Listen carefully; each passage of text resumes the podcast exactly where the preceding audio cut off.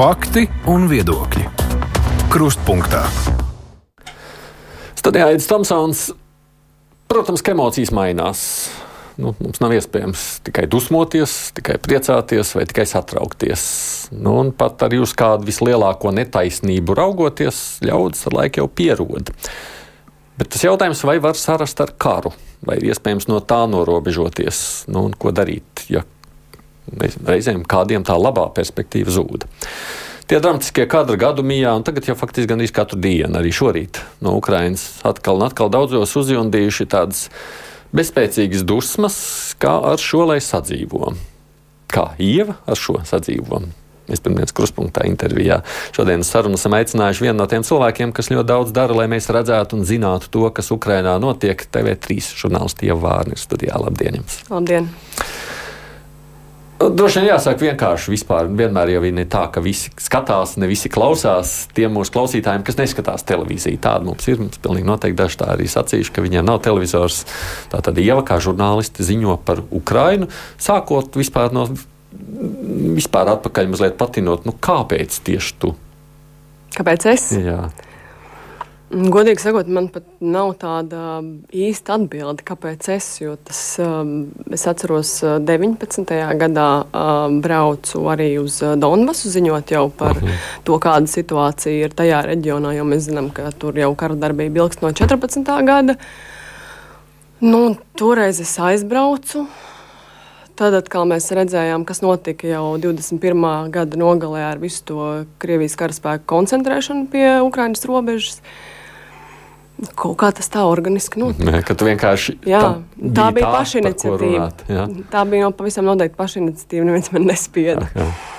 Neesi nekad šo pašiniciatīvu nožēlojusi? Nē, un uh, vēl vairāk es varu pateikt, ka, lai arī ir bijušas uh, šo nu, jau gandrīz divu gadu laikā tās situācijas tādas, ka. Nu, tu ļoti spilgti izjūti to, cik ļoti trausla ir tā robeža starp dzīvību un nāvi. Nereizi nav bijis, braucot mājās, tāda sajūta, ka visi jau pietiek, to vairs to nevajag. Emocijas netraucē darīt šo darbu. Mm, Tanī brīdī, kad tu dari to darbu, tu tās mm. emocijas tomēr kaut kā atslēdz. Protams, pavisam to nevar izdarīt, bet tu koncentrējies uz to savu darbu. Līdz ar to tādām nu, paniskām bailēm, panikai uh, nav, nav vietas. Nav bijis tā, ka kādā brīdī liekas, nu labi, nu kaut ko vajag pamainīt, lai dodas citi. Nē. Nē, tiešām nav. Tad man, ir, man jau ir tie starposmi, piemēram, vasarā tāds uh, laba uh, atslodze no šīm visām kara šausmām bija dziesmu un dēļu svētki. Tad es at, mhm. cenšos atrast tādas jaukas lietas, kas uh, nu, saglabā tādu veselo saprātu. Nu, tiem, kas nav sekojuši, un kā es saku, ne visi skatās, lai tajā priekšstatā veidot, nu, ko tad šie divi gadi, nu, ko tie ir nesuši tavā dzīvē, nu, ko tas nozīmē tur un šeit, gan tur, gan te darbs. Nu, te pavisam noteikti tas ir. Um, nu, es domāju, ka pirmais, ko es varu pateikt, ko tas ir uh, devis, tas ir uh, liek novērtēt to, ka mēs varam šeit um, dzīvot uh, brīvībā un mierā un arī strādāt. Brīvībā un mierā mēs varam runāt, mēs varam domāt un mēs varam darīt to, um, nu, ko mēs katrs vēlamies. Tur strādājot, protams, ka tās ir nu, vaiprātīgas šausmas, un tas uh, arī ir tas iemesls, kāpēc es to daru. Lai nu, mums nebūtu ne man, ne tev jāstāsta par to vaiprātu mūsu valstī. Kas ir tie brīži, kāpēc, kāpēc šeit un kāpēc tur? Nu, prot, kāpēc, kuros brīžos tu brauc uz Ukrajinu un kuros brīžos tad atkal atgriezies atpakaļ? Kas to nosaka? To nosaka principā situācija frontē. Um, analizējot, kādi ir tie notikumi, protams, arī pēc tās uh, aktualitātes, kāda tajā brīdī ir. Mēs zinām, ka februārī uh, tuvojas uh, divi gadi, kopš Krievija sāka pilnu iebruk, mērogu iebrukumu Ukrajinā. Nu, protams, ka tajā uh, laikā es būšu tur. Nu, jā, tas ir sekojot līdzi, analizējot, kādas ir izmaiņas frontē, un no tā arī mēs izlemjam, jā, tagad ir jābrauc. Nu, vēl pavisam īsi mazliet par pašu tevi. Tad, tad tagad jau būtībā tevi pazīst kā kara žurnālisti. Ja? Tas ir labi. Labāk, lai tā nebūtu, protams. Jā. Tas pavisam noteikti nav tas, ko es biju iedomājusies, ar ko būs saistīts mans darbs, bet nu, tā nu ir sanācis. Un, kamēr vien Krievija turpinās šos kara noziegumus Ukrajinā pastrādāt, tik ilgi es arī to darīšu. Bet, ja tā pasaki, nu, ko nozīmē primāri kara žurnālistika, riskēt, būt karstajos punktos? Pavisam noteikti, jā, riskēt, jā, strādāt šajās uh, uguns uh, līnijās, pozīcijās pie karavīriem. Protams, var jau arī izvēlēties, mēs varam nebraukt tik tuvu frontē, bet manuprāt, tas ir. Nu, ārkārtīgi svarīgi, lai mēs parādītu to, mm, nu, kā tad cīnās tie cilvēki pirmajās līnijās, kuri arī, kam es pavisam noteikti ticu, kuri šodien arī aizstāv mūsu brīvību un drošību. Bet šajā ziņā vienmēr runā par divu veidu bailēm - pašu bailes un tuvinieku bailes. Nu, kā ir ar šīm abām? Laikam tās uh, manas bailes ir uh, mazākas nekā tuvinieku bailes. Bet uh, viņi jau ir samierinājušies. Tas pavisam noteikti nav tā, kā tas bija kara sākumā, kad māsai bija ļoti, ļoti, ļoti smagi un grūti. Uh, un bija dažādi pārmetumi, kāpēc tu to dari. Uh, tu mums esi vajadzīga, bet nu, ar laiku jau um, nu, cilvēki jau arī nu, ģimene saprot, ka tas ir mans darbs un kādam tas ir jādara. Ja es to esmu izvēlējusies, tad nu, man tāpat neviens no tā neatturēs. Man pašas bailes. Pašas bailes ir kontrolējamas. Nu, bet tādā ziņā tu esi gatavs, ka pieņemsim, nu, labi, šis ir pēdējais brauciens. Varbūt visādi. Jā, tas nozīmē, no bailes, no nāves ir vai nav. Piedod, es domāju, ka, tieši. es domāju, ka nu, mēs neviens nevēlamies nomirt. Mm. Bet, uh, dodoties turp, es apzinos to, ka tas tā var beigties. Tas var nemaz nevajag braukt uz uh, uguns pozīcijām. Tas var notikt arī uh, ceļā uz turieni pārnakšņojot Kijavā, kur var atlidot kādu raķeti, kā mēs paši redzam, īpaši pēdējā laikā tas ir nu, regulāri. Mm -hmm. Tas nozīmē, ka tu, nu, kā dzīvē būs, tā ir. Tieši tā. Runājot tagad par pašu kāru nu, ko šie divi gadi ir nozīmējuši. Prot, nu, cik tie bijuši emocionāli, jo nu, tur ir bijuši tieši, tieši gan daudz cerības, gan arī vilšanās. Ne? Nu, pagājušais gads pavisam noteikti. Nu, mēs um, paši zinām, cik ļoti lielas cerības tika liktas uz šo pretuzbrukumu. Bet um, tāpat laikā uh, vai mēs, kā rietumu valstis, arī Amerikas Savienotās valstis, darīja pietiekami, lai um, šīs cerības um, tā Ukraiņi varētu īstenot. Nu, es uh, šim līdz galam nepiekrītu. Un, uh, mēs visi varam um, gudri spriest par to, ka tas bija par lēnu, ka vajadzēja ātrāk un ko viņi tur muļājās. Uh, Bet uh, es pagājušajā gadā diezgan daudz strādāju ar uh, karavīriem gan Dienvidu frontē, pie Zaporīžas, gan pie Bahmutas rajonā, Donbasā. Tas, tās uh, katrs metrs izcīnītais uh, Ukraiņas pusē, viņiem tas maksāja tiešām ārkārtīgi augstu cenu, jo viņiem Krieviem bija laika sagatavoties izveidot šīs aizsardzības līnijas, ārkārtīgi spēcīgus nocietinājumus. Un, um, nu, bez pietiekama daudzuma bruņojuma pārlauzt šīs aizsardzības līnijas ir neiespējami. Es domāju, ka situācija būtu savādāka, ja uh, rietumi būtu piegādājuši vairāk šos ieročus, par ko Ukraina kliedza jau no kara pirmās dienas, arī aviāciju, tad, kad mēs redzējām šo Helsinas un Harkivas veiksmīgo operāciju. Tad pirmā lielākā vilšanās ir pašos rietumos. Jā. Man pavisam noteikti, īpaši šobrīd, skatoties, ka mēs redzam arī, kā iesākās jaunais gads ar šiem masveida teroriem. Ukraiņas pilsētās nu, tā sajūta ir tāda, ka mēs vienkārši no malas skatāmies un īsti jau nu, neko tikai varam pakritīt ar pirkstu, ka tā darīt ir slikti. Vai mēs kā rietumi, no, nu, ja es arī sev lieku iekšā tajā, mēs domā, apzināmies, ka mēs esam vainīgi iekšā. Nu, nevar jau arī teikt, tā, ka mēs esam, uh, mēs esam tikai vainīgi. Jo skaidrs, ka bez šī atbalsta, kas jau ir bijis, tu, es domāju, ka to arī paši ukrāņi atzinuši, ir, ka viņi nebūtu noturējušies pat tik ilgi.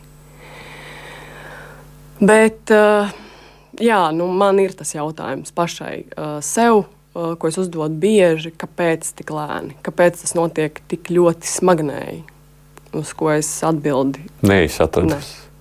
nekādu. Nu, es neesmu, godīgi sakot, ir ļoti. Nu, tā teikt, ņemot vērā īpaši, ka tu strādā tur un redzi to, cik tas ir grūti noturēt to visu. Un tad tu redzi tādu, nu, to, ko mēs redzam, kas Amerikā šobrīd notiek, arī um, nevaram vienoties par palīdzības piešķiršanu. Tad tāpat Eiropas Savienība, mums ir Ungārija, kur var uzlikt veto, un mēs visi paliekam ar uh, sasietām rokām. Nu, tā tāda man šķiet ir, kā lai pasaka, nu, drusku jau tas arī, neteik, neteiksim, varbūt es neteikšu pat drusku, tas apliecina tādu rietumu valstu vājumu. Un to uh, mēs zinām, kas skatās un kam tas ir izdevīgi. Reizēm skatoties uz starptautisko politiku, vispār šķiet, ka mums ar vien vairāk sākam tā kā egoistiskāk skatīties. Ne tik daudz, nu, kas ir mūsu pašu intereses. Mēs papriekš par sevi domājam, tad tikai par citiem. Jā, nu šobrīd tas, manuprāt, ir jau varbūt vairāk izteikti redzams, jo mēs arī pirms ētera runājām par šo karu nogurumu. Pavisam noteikti es domāju, ka tas arī ne tikai Latvijā, bet nu, visā rietumu pasaulē ir šis nogurums no kara, un mēs vairāk sākam domāt par to, nu, kā pašiem savu labklājību celt. Bet nu, līdz galam tomēr arī nu, nesaprotam to, ka ja Ukraina šajā karā zaudēs, nu, tas, tam būs ļoti, ļoti, ļoti sliktas sekas. Nu, par to arī noteikti parunāsim, tajā skaitā arī par nogurumu kā tādu, bet pieminot šo vēl vilšanos, tad, kad esi Ukrainā, viņi pauž arī kaut kā šo vilšanos rietumu politikai. Godīgi sakot, nē, tur nu, es varu piemēram teikt, ja konkrēti mēs runājam par karavīriem, tad uh, viņi ir uh, tāpat ārkārtīgi pateicīgi par to, ka, kas viņiem, kā, kāds ir šis atbalsts. Un, bet laikam tas, ko es arī esmu pamanījusi, tā izteikta, izteikta pateicība ir tieši Baltijas valstīm. Jo to viņi ārkārtīgi novērtē, to, ka mēs esam. Viņi zina, ka mēs esam, mēs cenšamies būt arī Ukrainas balss gan Eiropas Savienībā, gan NATO. Mm. Bet tāda čīkstēšana un sūkstīšanās par to, ka jūs mums nepietiekami palīdzat, nē. Kas nozīmē no šāda viedokļa, mēs, kas esam arī blakus Krievijai un zināmā mērā varbūt nu, noteikti krietni vairāk riskējam nekā kādi vācieši tur vai amerikāņi vai francūži vai ne. Nu, tad mēs varam tomēr lepoties paši ar savu tautu šajā ziņā. Mēs pavisam noteikti varam lepoties, un to es izteikti uh, izjūtu, piemēram, pat tādās sīkās lietās, ka iebraucot, piemēram, Donetskas apgabalā, pirmais kontrola postenis, un tur viņi ir uz katru stūri. Bet, kad tu saki, ka es esmu žurnālists no Latvijas, tad viņiem vienmēr ir, ah, jūs esat mūsu draugi, brauciet. Mm. Tajā pašā laikā mēs šobrīd, piemēram, diezgan vārāmies arī brīvajā mikrofonā tikko par graudiem, kurus mēs vedam no Krievijas. Kādam sajūtām tu šo skaties? Šis temats laikam nu, man tas nav saprotams nedz par tiem uzņēmējiem, kas joprojām finansē šo kara mašinēriju. Un tas, ka par spīti visam tam vājprātam, ko mēs redzam tepat sev blakus, ir joprojām gan uzņēmēji, gan cilvēki, kuriem nu, ir tas dzīvo pēc principa, ka nauda nesmird. Nu, man tas nav saprotams. Ko mums darīt ar šo? Es domāju, ka tur mūsu varas iestādēm attiecīgajām būtu jāskatās uz to mm, kaut kā stingrāk tas viss jāpaņem un, un jāsauc pie atbildības tie uzņēmēji, kas joprojām uh, sadarbojās ar agresoru. Nu, mēs jau atrodam arī kaut kādus ētiskus aizbildinājumus, kāpēc mēs to darām. Lūk, pasaules bats, un tad tur tie cilvēki, kam tur, kā te rakstīja viens mums klausītājs, no viņiem taču tā jau tur Āfrikā par vienu eiro dienā iztiek, ja mēs viņiem vēl sadārdzināsim graudu eksportu no, jeb importu no Krievijas, tad viņi nematā badā mirs un tā. Tā man šķiet ir tāda tūredzīgā domāšana, jo mm, skatoties tieši konkrēti uz um, šo ietekmi kas ehm,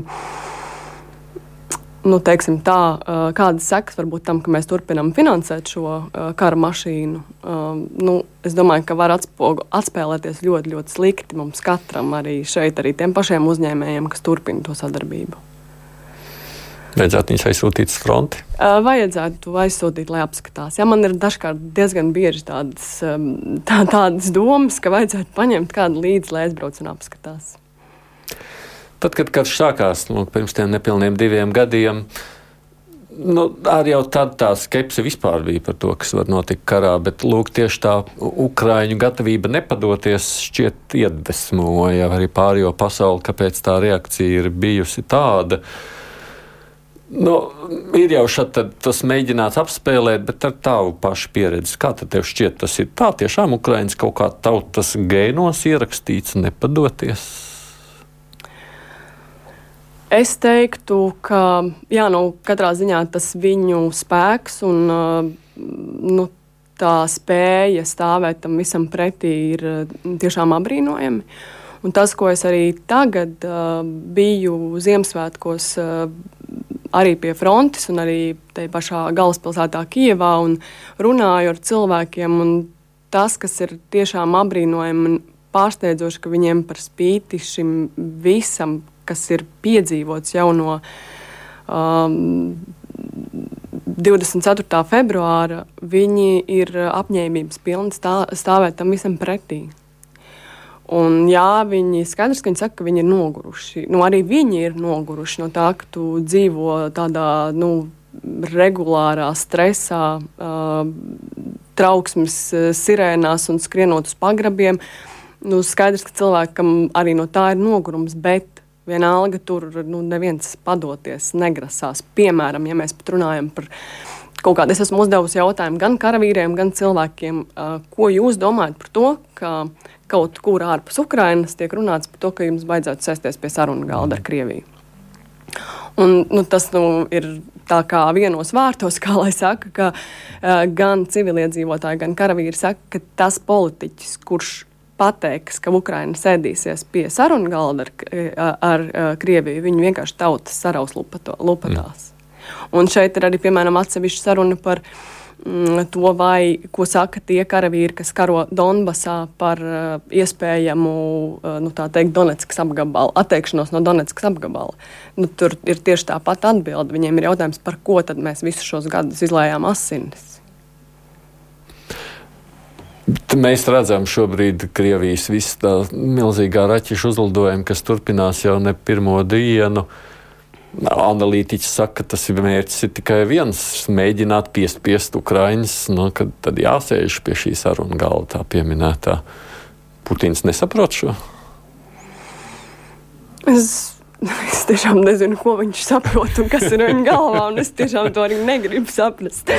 Bet uh, es domāju, ka nu, es pavisam noteikti nevis domāju, bet es esmu pārliecināta, ka lai cik viņi raķetes raidītu uz Ukrajinu, viņi nesalauzīs to Ukraiņu tautu ar šo.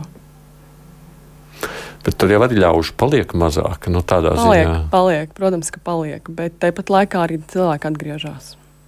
Ļoti daudz cilvēku atgriežas. Ja mēs kaut vai salīdzinām ar to, kādas izskatās šīs nu, pilsētas, kuras pat nav tālu no uh, frontes līnijas. Piemēram, jau pieminētais Donbass, Slovjanska, Kramatorska. Uh, Nu, teiksim tā, nu, cilvēki atgriežas, ja salīdzina, piemēram, kaut vai ar gadu atpakaļ. Nu, to nevar salīdzināt. Tad, ja tu brauc tur uz ielas, redzēt tikai uh, armijas transportu, pārvietojamies, nu, tad šobrīd jau ir civiliedzīvotāji atgriežušies. Šogad pat uz Ziemassvētkiem bija vienīgā pilsēta, kur bija uzstādīta Ziemassvētku egli, tāpēc, ka cilvēki gribēja, lai bērniem būtu kaut, vismaz kaut kāda svētku noskaņa. Otra lieta ir kareivi. Nu, kareivi ir tik, cik ir, un arī Ukrāņu kareivi taču iet bojā. Mēs jau nezinām, protams, cik viņi gājuši. Protams, bojā. protams un, un ļoti daudz tas ir. To, arī es to nezinu, protams, cik protams. ir. Eh, bet um, kaut vai redzot, ir tādas um, zīmīgas vietas, ir Harkivā, um, šī slāma salē, kur ir um, kritušo karavīru kapsēta. Tad, um, to arī es pati esmu redzējusi, ka tu brauc katru reizi un tu skaties, ka atkal tā kapsēta aug un aug un aug, un šie karogi ir arvien vairāk un tiešām tūkstošiem. Un tad uh, Kijevā ir um, pie Maidana laukuma tāds um, iz, izveidota vieta, kur cilvēki nāk par katru karavīru kritušo uh, nolikt uh, karodziņu. Nu, tur ir desmitiem tūkstoši tādu. Un tā ir katrā pilsētā kāda šāda vieta, un, un, un tie zaudējumi ir milzīgi. Un, protams, ka viņiem arī nu, viņiem nav iespējas, kā Krievijai, mobilizēt uh, tik milzīgu skaitu šo, kā, savu, kā saka, dzīvo gaļu, ko var mest nepārtraukti uh, frontē. Un tā ir problēma. Protams, tā ir problēma, ka viņiem trūkst cilvēku. Es to arī jautāju, lai arī cik cīniski tas skan šis jautājums, bet vai nav tā, ka beigās nu, karš būs jābeidz tāpēc, ka nav vairs kam karot Ukrainā? Es ļoti ceru, ka tā nebūs. Mm, nu, protams, tās ir spekulācijas arī tīpaši ņemot vērā vēl Krievijas propagandu ne līdz galam. Es arī varu pateikt, bet jautājums ir, nu, tur ir tādi pietiekoši daudz ukrāņu, kas izvairās no mobilizācijas un mēģina visādi bēguļot. Protams. Protams, un ir arī tādi, kas uh, ir um, nu, iesaukti. Viņi viņus nosūta uzdevumā, un uh, viņi vienkārši pazūd, viņi aizlaižās. Un, um, tā ir problēma, bet nu, vismaz to, cik es zinu, ka par laimi tā nav tāda masveida. Uh, nu, tāda masveida bēgšana, bet, protams, ka ir. Protams. Ko pašā Ukrainā par to saka? Ir nācies kādreiz runāt par šo? Viņiem ir, um, kā lai saka, nu, tas, ko pavisam noteikti tie, kas gribēja paši aiziet brīvprātīgi, uh, aizstāvēt savu dzimteni, tie to izdarīja uh, pašā sākumā jau. Un uh, pirmo gadu vēl. Šobrīd, jā, tie ir, tie ir pārsvarā cilvēki, kuri, nu, labi, neviens jau negrib iet karot. Uh, bet uh, ļoti liels vairums to cilvēku, kuri nu, mēģina visādi. Viņi var ignorēt pirmo, otro, trešo pavēsti. Nu, tad jau, kad atnāk mājās ar ceturto pieklauvē pie durvīm, pasaka, ka nu, īsti vairs tev nav uh, alternatīvu, jo nu, par to pienāks arī sots. Uh, nu, tad viņi piespiedu kārtā, lai nebūtu jāiet sēdēt cietumā, tad viņi aiziet uz fronti, bet no šādiem cilvēkiem jau arī tur nav nekādas jēgas. To arī ir eh, nu, man sarunās teikuši arī nu, eh, militāristi. Bet um, es vēlreiz atkārtošu, ka šis eh, nav tāds, nu, tas, tā nav tāda masveida parādība, ka visi šobrīd bēg. Mm. Nu, jebkurā gadījumā. Labi, atgādināšu tikai turpinot, pirms mēs turpinām sarunu. Tad šeit studijāja kolēģi no TV3 jau Vārna. Runājam par viņu un ko nozīmē būt kā kara žurnālistam, darbojoties Ukrajinā. Raidījums Krustpunktā. Es vienkārši pie reizes lūkošos, kamēr sarunājamies ar uh, tevi par to, ko ļaudis raksta. No, kādas nolasīšu, varbūt Daina raksta mums Jerlevits kundze visu cieņu, ievai par viņas drosmi, par profesionālām reportāžām, par viņas sirds skaidrību, redzot to ļaunumu tūplānā. Paldies! Sirsnīgs paldies! Nu, te jau vēl varētu tāpat visu cieņu raidījumu viešņai, skaistai, drosmīgai, kvietnei sievietei. Cik patīkami. Bet ir tā, ka sanāk tie labie vārdi arī līdz TV3 pieejams. Man uh, diezgan daudz sanāk, un cilvēki raksta, principā pārsvarā man, uh, man privāti sociālajos tīklos. Tas arī tāds, tas, protams, ka tas ir patīkami. Tas mm. dod to spēku, un uh, ka tu zini, ka cilvēks skatās un novērtē. Tas ir ārkārtīgi svarīgi man kā žurnālistei. Bet nu, pie tās grūtās tēmas, reiz mēs esam tam pietuvojušies, arī turpinām. Ir iespējama Ukraiņas sakāve, tavuprāt? Ja tiks apturēta šī militārā palīdzība Ukraiņai, es domāju, ka diemžēl tas ir uh, diezgan iespējams scenārijs. Kā mēs ar to sadzīvotu? Tas, nu, protams, ir jautājums, kā būtu, ja būtu. Bet... Es domāju, ka tas būtu ārkārtīgi liels um, nu, kauna trēpes, kā saka, izgāšanās arī, uh, nu, ja mēs lūkojamies uz NATO. Jo nu, tas pavisam noteikti manā skatījumā apliecinātu tādu ārkārtīgi lielu vājumu. Ka mēs nevaram sakaut uh, Krieviju, palīdzēt sakaut Krieviju. Un, nu, tas, tas būtu tāds tā kā numur viens. Un, nu, viss es domāju, ka tas vienkārši būtu laika jautājums, kad eh, Krievija sakopot spēkus, uzaudzēt muskuļus un iet tālāk. Un to mēs nezinām, vai mēs nebūtu nākamie. Mm. Kā pati Ukraina ar to, ja Ukraiņi ar šo sadzīvot, tavuprāt? Es domāju, ka kādu laiku pavisam noteikti būtu partizāna kaujas. Viņi censtos noturēties līdz pēdējiem. Es domāju, ka nu, vismaz tie ukrāņi, kurus es pazīstu un esmu šo divu un vairāk gadu laikā sastapusi, es nezinu nevienu no tādu cilvēku, kurš būtu tā vienkārši gatavs pacelt rokas un pateikt, labi, mēs zaudējām, mēs padodamies. Bet jebkurā gadījumā jau tas, kas ir noticis šo divu gadu laikā, ir nesis nu, ļoti daudz netaisnības, sāpes, nu, traģēdijas jau tur nav vārdiem visiem aprakstāms. Kā ar šo visu sadzīvot pat jebkurā kara rezultātā? Nu, lai arī kāds būtu tas iznākums, kā tev šķiet, kā Ukraiņi ar tām rētām tiks galā? Nu, tas, es domāju, būs, tam būs vajadzīgi nu, desmitiem gadu lai, un paudžu paudzēs būs šis eh, naids pret Krieviju kā tādu, pret uh, Krievijas tautu, kura iebruka Ukrainā. Tas naids un, um, un, un, un, un dusmas, ko Krievija ir uz sevi pamatoti izsaukusi. Godīgi sakot, es nezinu, cik paudzēm jānomainās, lai tas mainītos. Un par pašu Ukrainu runājot, nu, tur būs ārkārtīgi liela problēma arī kad tas viss beigsies, un cerams, ka tas beigsies ar uzvaru, um, būs šie, nu, es teiktu, miljoniem traumēto cilvēku no kara. Es nerunāju tikai par karavīriem, arī par civiliedzīvotājiem, par maziem bērniem, par, uh, nu, jā, nu, par visu sabiedrību. Jo tas, es domāju, tur būs arī arī mums un, un, un, un visai rietumu sabiedrībai arī tajā brīdī būs jā, jāsniedz Ukraiņai šis atbalsts, lai uh, viņi varētu palīdzēt tiem cilvēkiem tikt ārā no tā, tā pēckara nu, saucamā posttraumatiskā sindroma. Viņi paši par to aizdomājas. Jā, jā. Jā.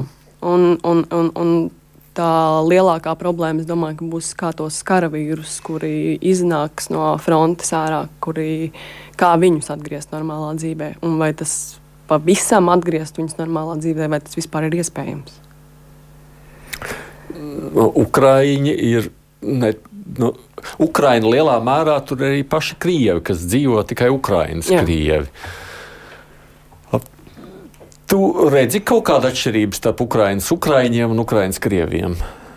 Šobrīd, nu, šobrīd es teiktu, ka nē, jo nu, ļoti reti, kur nu, es, es varu salīdzināt, piemēram, jā, pat nu, pirms 24. februāra vai nu, par 19. gadu nerunāsim. Uh, Don, do, tajā Donbasā, kas ir Ukraiņas austrumos, tur reti kurš vispār runāja Ukraiņu valodā. Šobrīd ļoti reti kurš runā krievu valodā. Tāpat ir Harkivas pilsēta, kas ir principā pēc nu, 90% krievu valodīgo pilsēta ir bijusi. Nu, tas vien, cik viņi ļoti negrib runāt tajā uh, iebrucēju valodā, tas, manuprāt, jau parāda to, cik viņi ir um, nu, tiešām kļuvuši vienoti. Protams, ne visur ir viņiem tāpat tā tie saucamie gaidītāji, kuri uh, ir dzīvojuši šajā krievu propagandas uh, pavadā, un viņi tiešām viņiem ir tik tālu izskalotas smadzenes, ka viņi joprojām uh, domā, ka uz viņiem šauj Ukraiņi. Hmm. Te mēs reizēm arī es dzirdu no dažiem zvanītājiem jautājumus, nu labi, mēs intervējām savulaik Arestoviču, ko viņš tur tagad runā. Tu saproti, ko viņš saka? tur man liekas, cilvēkam kaut kas galvā ir sagriezies. Tiešām, jo, jo, jo, jo jā, ja mēs saliekam to cilvēku, kas bija kara sākumā, un apskatāmies, ko viņš šobrīd liek savos sociālajos tīklos, tad liekas, ka tur um, nu, cilvēks um, kaut kā ir nomainījis to kažoku uz otru pusi un um, acīm redzot ļoti, ļoti vēlas kļūt par Ukrainas prezidentu. Pašā Ukrainā arī apspriež viņu. Uh, es neesmu dzirdējis par viņu. Tiešām jā. arī Ukrainā smējas. Smējas? Jā. jā. Nu, labi. Uh, nu, par to Latvijas noskaņojumu reiz mēs esam mazliet šajā sadaļā arī par to nogurumu no kara. Nu, cilvēki nogurs no kara. Fakts kā tāds. Ko tu vispār par to domā? Par kara nogurumu? Jā. Es saprotu, ka cilvēki nevar uh, visu laiku dzīvot tādā spriedzē, bet um, Es vismaz tā es varu pateikt no tā sava burbuļa, kurā es dzīvoju, skaidrs, ka cilvēki ir noguruši. Mēs neredzam vairs arī, piemēram, sociālajos tīklos, kā cilvēki izteikti, kā tas bija sākumā, dalītos ar šīm ziņām, kas ir no Ukrainas. Bet tāpat laikā. Jo es pat arī paralēli vācu ziedojumus, un esmu kā brīvprātīgais, tad es redzu pēc tā, tas mans burbulis, kas ir viņi. Lai arī ir noguruši, varbūt viņi tik aktīvi publiski nepauž to savu atbalstu, bet uh, viņi to pauž ar ziedojumiem. Viņi to dara regulāri, un, ja ir nepieciešams, es, man, es ļoti ceru, ka tā nepienāks tāds brīdis, kad uh, tā notiks, bet man nav bijis par laimi uh, neviens tāds mērķis, ko es esmu, zinu, ko man vajag aizvest eh, karavīriem, ka es to nevarētu savākt un tas eh, nu, nesanāktu. Līdz ar to es teiktu, tā, ka manā burbulī cilvēki ir noguruši, bet viņi saprot, ka mēs palielam, tad, no kā tad mēs nogurstam. Un man pašai, ja par mani personīgi, tad man atgro, atgriežoties no uh, Ukrainas, um, šķiet tā nu, pavisam nērti teikt, ka man, es esmu nogurusi no šī kara. Jo tad, kad es esmu tur un redzu to, cik tas ir smagi, tad man liekas, no kā mēs nogurstam. No tā, ka mēs savā valstī brīvā, mierīgā, drošā no malas uz to skatāmies. Nu, te jau teicu, Ukrāņi paši arī saka, ka viņi arī ir noguruši. Nu, skaidrs, vai ne? Kurš tad nenogurs no kara? Vienkārši nu, Viņiem nav jā, variantu. Jāpieņem kā realitāte, kur nevar mainīt. Nu, viena lieta ir, tad, kā mēs sakām, Latvijas noskaņojums, bet tad mēs dzirdam līdz tur Amerikas politiskās spēles un visas pārējās. Ir iespējas, tavuprāt, es nezinu, nu, es tīri subjektīvi jautāju tavu viedokli, kaut kā uzjundīt, nezinu, viņiem izjaukt, atkarsēt atpakaļ. Diemžēl, bet uh, man šķiet, ka to, kas cilvēkus atkal tā kā sapurina, uh, mēs redzam tad, kad Ukraina ir piedzīvojusi kārtējos masveida uzbrukumus. Tad mēs atkal atmostamies un saprotam, ka oh, jā, nekas nav beidzies. Ka tas nav tikai cīņas frontē, bet um, kā Krievija bombardē visu Ukrainu. Un tad atkal kā, mēs sarosamies, un, jā, un tad, kad tas atkal tā kā pieklust, šie uzbrukumi nav tik intensīvi, tad, nu, tad, jā, tad tā Ukraina arī ir ziņu lentās, ir paliek kaut kur otrajā plānā. Nu, manuprāt, tas, kas arī mums kā mēdījiem būtu um, nu, jāturpina maksimāli stāstīt, uh, rādīt. Uh, jo nu, es domāju, ka mums, mēs arī šajā spēlējam ļoti lielu lomu, lai cilvēki, lai sabiedrība neaizmirst, nenogurst un pavisam, nu, lai tas nepaliek tā, ka kaut kur tur Ukrainā karo. Mm. Palūkošos, ko ļaudis atkal raksta mums. Um, Ināras kundze, visu cieņu ievai Vārnai, bet vai nevajag jums arī pieminēt operatoru Medvedjevu, bez kura reportāžas nenotika? Protams, protams, operators, um, jā, nu mēs jau esam kā cimds ar roku, tur bez ne, nekāda, mēs tā kā viena komanda. Esat tik ļoti saraduši, ka viens otru saprotat arī pilnīgi pusvārdā reizēm. Jā, turpat nemaz nevajag kā, varbūt neko teikt, citreiz skatiens uh, jau pasaka visu, nu, bet tas ir, uh, tas jā, tas tiešām ir ārkārtīgi svarīgi, jo mēs jau arī ar Sergeju nebija tā, ka mēs sākām nu, kā sākām braukt tā uzreiz uz fronti. Tas notika pamazām. pamazām. Jūras savukārt prasa šādi: nu, tur ir Doņetska, Lugānska, Krīma.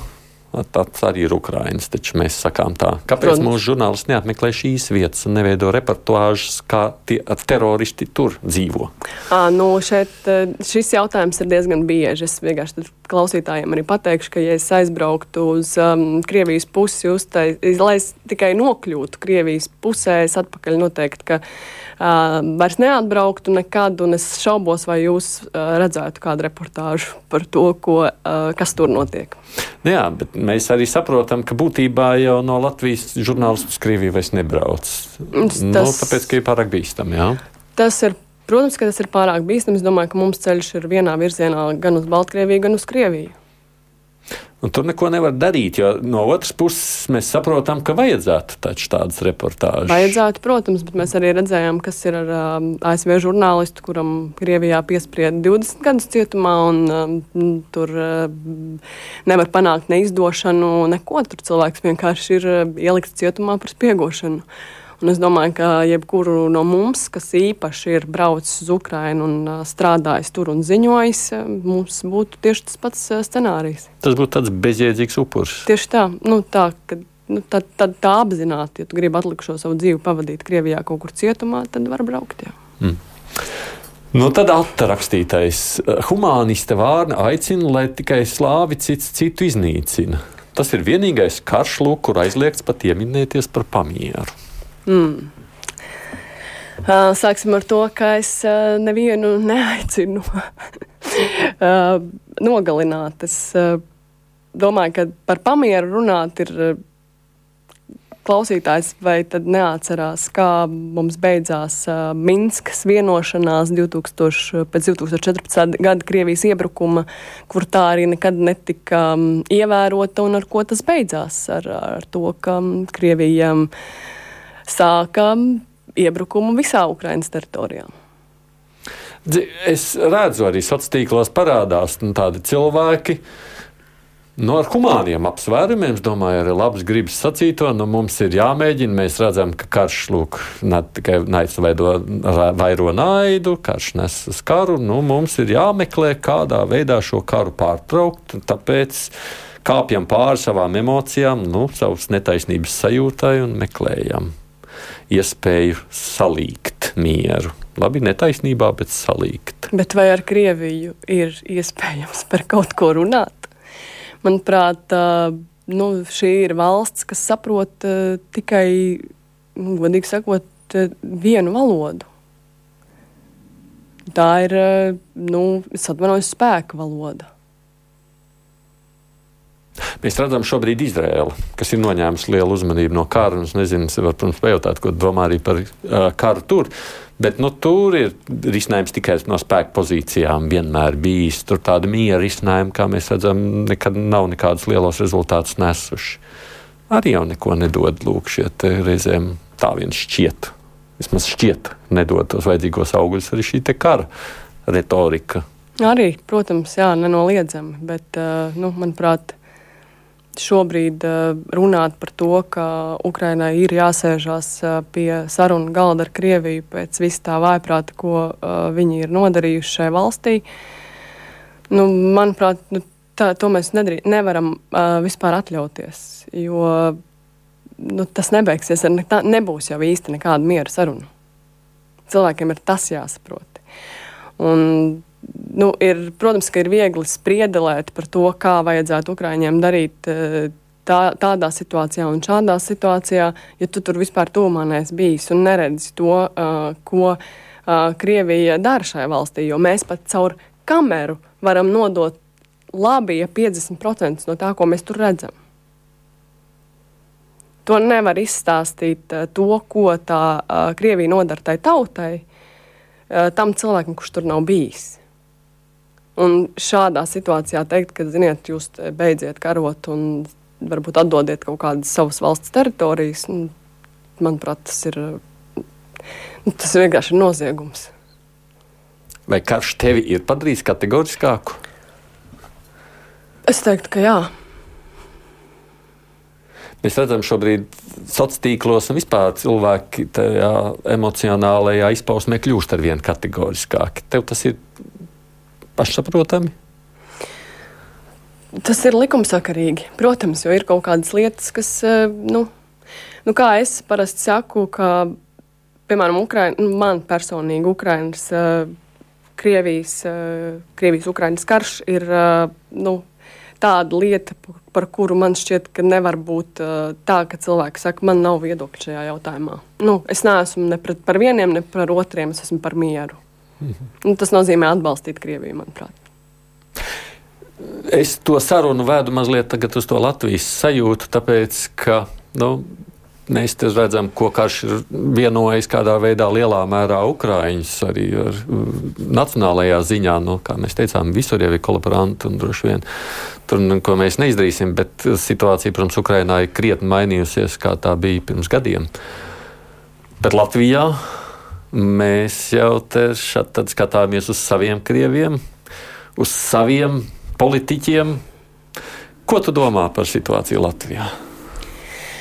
Nu, sāksim ar to, ka, manuprāt, mēs esam pārāk ilgi auklējušies ar um, šiem mm, Latvijas uh, krieviem, uh, kaut vai runājot par šo pašu valodu, par skolām, uh, par to, kāpēc mums vispār mums šo, šobrīd uh, nebūtu vispār jābūt jautājumam par to, ka Latvijas iedzīvotājiem, kurš dzīvo Latvijā, uh, ir uh, jāprot valsts valoda jāciena mūsu kultūra, mūsu tradīcijas.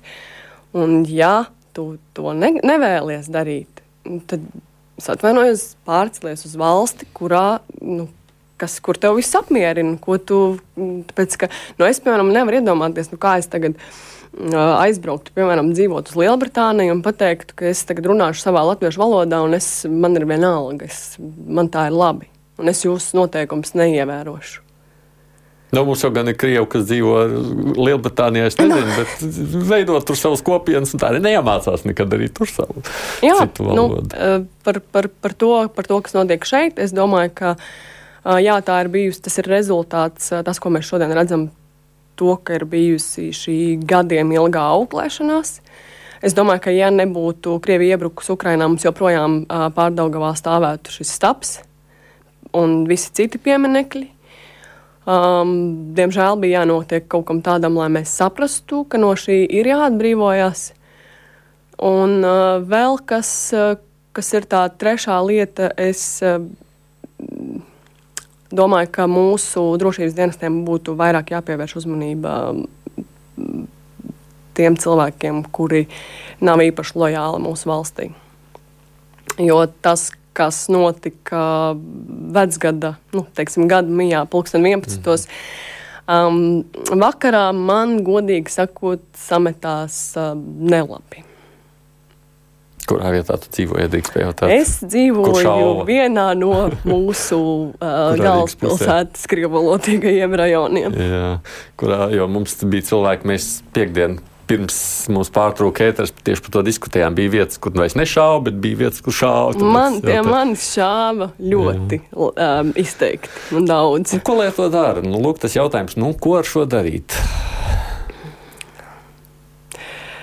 Man tādas skaidras atbildes nav, un, un, un, un tas noteikti nenotiks. Uh, tā vienā rāvienā, ka mēs tagad pēkšņi no tā visa atbrīvosimies. Es, godīgi sakot, es tiešām uh, nevaru sniegt konkrētu atbildi uz šo jautājumu, bet uh, tas gan, ko jau es arī teicu, ka mūsu uh, dienestiem vajadzētu strādāt, pievērst tam lielāku uzmanību, jo no tā šādi cilvēki ir, ir ļoti daudz radikālu cilvēku. Es arī pati esmu saskārusies uh, ar uh, situāciju, ka man atpazīst pēc sejas, zina, kur es braucu, un ir ļoti, ļoti naidīgi, uzbrukoši. Un teik, teiksim, tā, nu, tas ar tādu tiešām ar tādu ļaunumu, ka tevi sāk ganīt uh, ar visiem iespējamiem krievu lamuvārdiem. Nu, jā, tas kaut kā man šķiet, nav īsti um, pareizi. Un, ja tu kaut ko nezinu, piefiksētu un sūdzētos policijai, kāds būtu rezultāts tavuprāt? Es teiktu, varbūt labākajā gadījumā izsaukt spārnā. Tas nozīmē, ka mums vienkārši jāpārskata, varbūt, nezinu, krimināla kodeksa veidā, kādā mēs pieļaujam reaģēt šādā veidā. Nu, es, es arī meklēju. Tāpat kā tu. Iespējams, jā, jo, jo, jo manuprāt, tas, ka šādi nu, cilvēki, kas izteikti vēršas pret valsti, un apdraud mūsu valsts drošību, īpaši šajos ģeopolitiskajos apstākļos, kādos mēs esam šodien. Nu, es domāju, ka tur nevajadzētu nu, tādu muļāšanos pieļaut. Mm. Nu, runājot vēl pāris aspektos, palūkojoties tālāk darbā, kolēģi atbalsts ir pietiekošs. Jā, jā. Tur tiešām man um, kopš pirmās uh, dienas, un pat ir bijis tā, ka uh, Viņiem, man šķiet, ir vairāk sirmu matu nekā, nekā mums pašiem ar operatoru. Jo, jo tas tāds ir bijis. Vienmēr viņi ir klātesoši, atbalstoši. Un, jā, jā, paldies par to. Es domāju, ka tam arī ļoti liela nozīme ir, ka ir šis atbalsts. Lai mēs zinām, ka mēs esam tur, bet mājās vienmēr būs atbalsts. Bet mēs iesākam gadu vienmēr to skatu, nu, ko mēs šajā gadā izdarīsim, vai teiksim, vai darīsim. Nu, kā tu ceri? Kāds tad tev šis gads būs? Es ceru, nu, pirmais jau droši vien tas, tas ko mēs visi um, vēlamies, lai tas viss beidzās, lai šis būtu Ukraiņas uzvaras gads, bet visticamāk jau diemžēl tā nebūs. Bet um, jā, nu, man tiešām gribētos mieru un arī uh, pavadīt vairāk laika mājās nekā prom nu, iemesls, kāpēc eh, rietumi droši vien vilcinās, par ko mēs iesākām raidījumu sākumā runāt, bija tas, ka viņiem ir bail, nu, kas notiks ar Krieviju. Jā. Kam ir jānotiek ar Krieviju? Tavuprāt. Man um, kara uh, sākumā bija tāda klusā cerība iekšēji, bet tas bija pirmos mēnešus, kad es cerēju, ka Krievija sāks uh, sacelsies iekšienē. Bet šobrīd es domāju, ka jau par to mēs uh, vairs neviens neceram un uh, nu, ilūzijas nelolojam. Jo, ja mēs kaut vai apskatāmies uh, to atbalstu, kas ir Putinam joprojām no Krievijas tautas, tad ir lieki domāt, ka kaut kas mainīsies. Manā skatījumā uh, nu, noteikti Krievijas absolūta sakaušana kaujas laukā. Uh, varētu mainīt šo situāciju? Pašā Krievijā, kam tad būtu jānotiek tajā brīdī? Kāpēc es to jautāju? Šodienas ziņa. Neatceros, kurš laikraksts, bet no rīta skatījos starptautiskajās ziņās. Uh, viens centrālais amerikāņu laikraksts bija apkopojis iespējamās sliktākās prognozes, kādas šajā gadā varētu būt. Un starp sliktākajām prognozēm, no kā vajadzētu vairāk baidīties, tur bija arī, protams, vēlēšanas, ka tur varētu neizjukt, nesenākt Amerikas Savienotās valstīs, bet vēl bija, ja notiek revolūcija, ja, ja notiek varas maiņa Krievijā. Tā bija ielikt kā tāda ļoti bīstama lieta. Aplēt, nu, Mēs jau nezinām, uh, Nu, es, piemēram, kā, nu, daudzi saka, nu, ja Putins piemēram, nobeigtos, tad problēma atrisinātos, viss sakārtotos. Es, do, es ši, ne, šai teorijai pavisam noteikti nepiekrītu, jo es domāju, ka tur ir tik ļoti, es, viņš nav viens, un um, tā ir vesela um, sistēma, un, un, un tur ir ļoti, ļoti daudz cilvēki.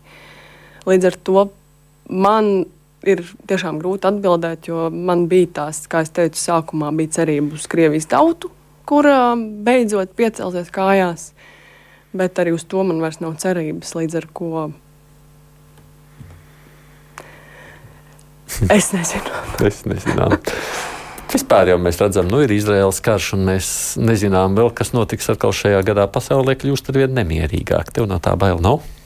Man ir bail, man ir ārkārtīgi bail domājot par um, uh, tevis pieminētajām Amerikas vēlēšanām un to iznākumu. Jo nu, tā sajūta, godīgi sakot, ir tāda, es, protams, negribu nevienu biedēt, bet man personīgi tā sajūta ir tāda, ka virs galvā mums um, tādi diezgan drūmi mākoņi šobrīd velkās. Nu, jāprot ar to, vienkārši jāsadzīvo. Nu, tu pati kā Nu, neko. nu, jāturpina darīt tas, ko mēs darām, um, jo nu, citādi jau nekādi. Es jau uh, kā nu, sēdēt mājās un baidīties, nu, ne, taču mēs kā cilvēki, mēs katrs varam darīt to, ko mēs darām. Es tur, turpināšu braukt uz Ukrajinu un ziņot, turpināšu vākt šos ziedojumus. Es ceru, ka būs ar mani kopā šie tūkstoši cilvēki no visas Latvijas, kuri um, ir bijuši šos divus gadus, um, lai mēs kopā varētu palīdzēt, atbalstīt un um, nu, cīnīties to, kā katrs mēs savā veidā to varam darīt beigās raidījuma mazliet par tām tuvākajām iecerēm. Ko tad gribam, jeb ko mēs varēsim sagaidīt no tevis, nezinu, skatoties televīzijas kanālā? Um, šobrīd um, esmu sākusi darbu pie um, dokumentālās filmas, kas būs uz um, 24. februāri, uh, kad apritēs divi gadi kopš Krievijas pilna mēroga iebrukuma. Un, um, Nu, februārī jau dodos atkal kārtējā um, komandējumā uz um, fronti līdz ar to reportāžu. Ko mēs šajā filmā redzēsim? Ja tu vari mazliet padalīties, ja pareklamēt. Šobrīd man tāds. Um, kas ir iecerēts vismaz, vai kas tev prātā stāv tajā visā? Ko tu gribi? Tas ir. Ielikt? Laikam um, skatījos, gāju cauri, jo daudz ko jau es pat arī aizmirsu. Man bija jāiet cauri mm. materiālam, visam, kas pagājušā gada laikā filmēts. Tās ir vaiprātīgi daudz desmitiem stundu. Mēs um, centīsimies filmā parādīt to. Um, Noteikti, ka vairāk liekot uzsvaru uz, šo, uz šīm pretuzbrukuma gaidām un to reālo ainu, um, kāda um, bija un ir frontes pirmajās līnijās. Mm. Un 24. kad dosies, tad, kad tur būs gada diena, uz kurieni, ko grib tajā reizē. Tad... Jāskatās, protams, ka tur uh, daudz kas var mainīties, bet mēs pēdējās, pēdējās, uh, pēdējos braucienos arī cenšamies aptvert tādu pēc um, iespējas plašāku to uh, frontes um, posmu, sākot no dienvidiem līdz austrumiem, varbūt šoreiz no austrumiem uz dienvidiem. Nu, jā, tas, tas būs atkarīgs tiešām no tā, kāda, kāda būs situācija. Leksdiņas kundze jautā, vai cienījamā žurnālists saņem arī kādu psiholoģisku atbalstu pēc visām tām redzētajām šausmām. Jā, saņem, saņem un paldies par rūpēm. Citādi jau um, tas nebūtu iespējams mm -hmm. sevi noturēt pie tāda veselā saprāta. Uh, bet kopumā šīs emocijas, kuras mēs arī sākumā pieminējām, viņas, kā tu saki, tu kontrolē. Tas nozīmē, ka tām vienkārši nu, noliec malā, nedomā tajā brīdī, nu, tad, kad tu esi tur, kur tu esi. Tad, kad es esmu tur, kur es esmu, jā, pavisam noteikti. Tu kaut kā uh, sakoncentrējies darbam, velti to savu enerģiju tam, kas tev ir jāizdara. Un, Varbūt pēc tam vakarā aizbraucot uz to vietu, kur mēs dzīvojam, tad tu kaut kā iz, izlaidi to visu, jo vajag paraudi vai pabļauju vai kā citādi. Bet, uh, nu, jā, tad, tad, kad tu strādā, kad tu filmē, tad, tad, jā, tad tu centies uh, maksimāli sevi savākt rokās. Esi optimiste vai pesimiste sevi kā tu raksturo? Es teiktu realiste. Kādā jautājumā tas ir ļoti nu, tāds. Uh, Nē. Es teiktu, op, tā, tā, ja mēs runājam šādās kategorijās, tad pavisam noteikti optimiste. Un uh, man uh, tāds ļoti labs teiciens, ko es paņēmu no viena Ukraiņas armijas uh, kapelāna, kurš ļoti spilgti, manuprāt, pateica, un to es pat arī esmu uh, saskārusies runājot. Piedzīvojot kopā dažādas situācijas, ka karā vispār nav neticīgu cilvēku, un šajā gadījumā viss tic tam, ka gala beigās jau viss būs labi. Mums, laikam, skatās arī Facebookā. Man te arī pārsūta nākt vesela virkne jums daudz labu vārdu. Šeit uh, balva raksta paldies Ievai par profesionālo darbu, izturību viņai, veselību jaunajā gadā, visu cieņu viņai. Inga raksta cienu un apbrīnoja, lai Dievs sargā. Un te arī paldies Ievai Kaspars raksta un Pēters cepuri nost. Tas, ko dara Ieva, redz sastopams lielāko patriotu vidū, lai viss izdodas un laba veselība. Sirsnīgs paldies visiem klausītājiem. Paldies, saka arī Ievai Vārnē, kas atnāca mums kruspunktā uz interviju šodien. No paldies. Gada pirmā intervija. Paldies, lai Dievs sargā tiešām tur, kur dosieties tālāk visos savos darbos. Es tikai mazliet beigās, kā jau parasti, pastāstīšu par tālāko. Rīt kolēģei Mārai Jansonai būs diskusija par rosinājumu ļaut cilvēkiem referendumā pašiem izlēmt, kur un kādas būtu viņu novadu robežas. Šis jautājums tādā iekšējā politikā parādījies, protams, zināmiem nosacījumiem jāpiebilst, saistībā gan ar Garkalnas dalīšanu, gan šobrīd Varakļāna jautājums, ka tiem būtu jābūt pie Madonas novada, bet, kā te saka, deputāti šis varētu būt aktuāli arī citās Latvijas vietās. Tas jautājums ir, cik lielai teikšanai būtu jābūt šeit un jādod tā ir iedzīvotājiem. Par to arī diskusija rīt būs. Tur, protams, kā vienmēr savi par un pret. Šīs intervija redzama arī Latvijas televīzijas ētrā. Būs pēc, tad, kad stundas šīs raidījums būs beidzies Latvijas raidījā viens ētrā. Protams, klausieties tur, ka mums ir ēti. Producenti jau uzreiz studijā bija es, Aidis Tomsons.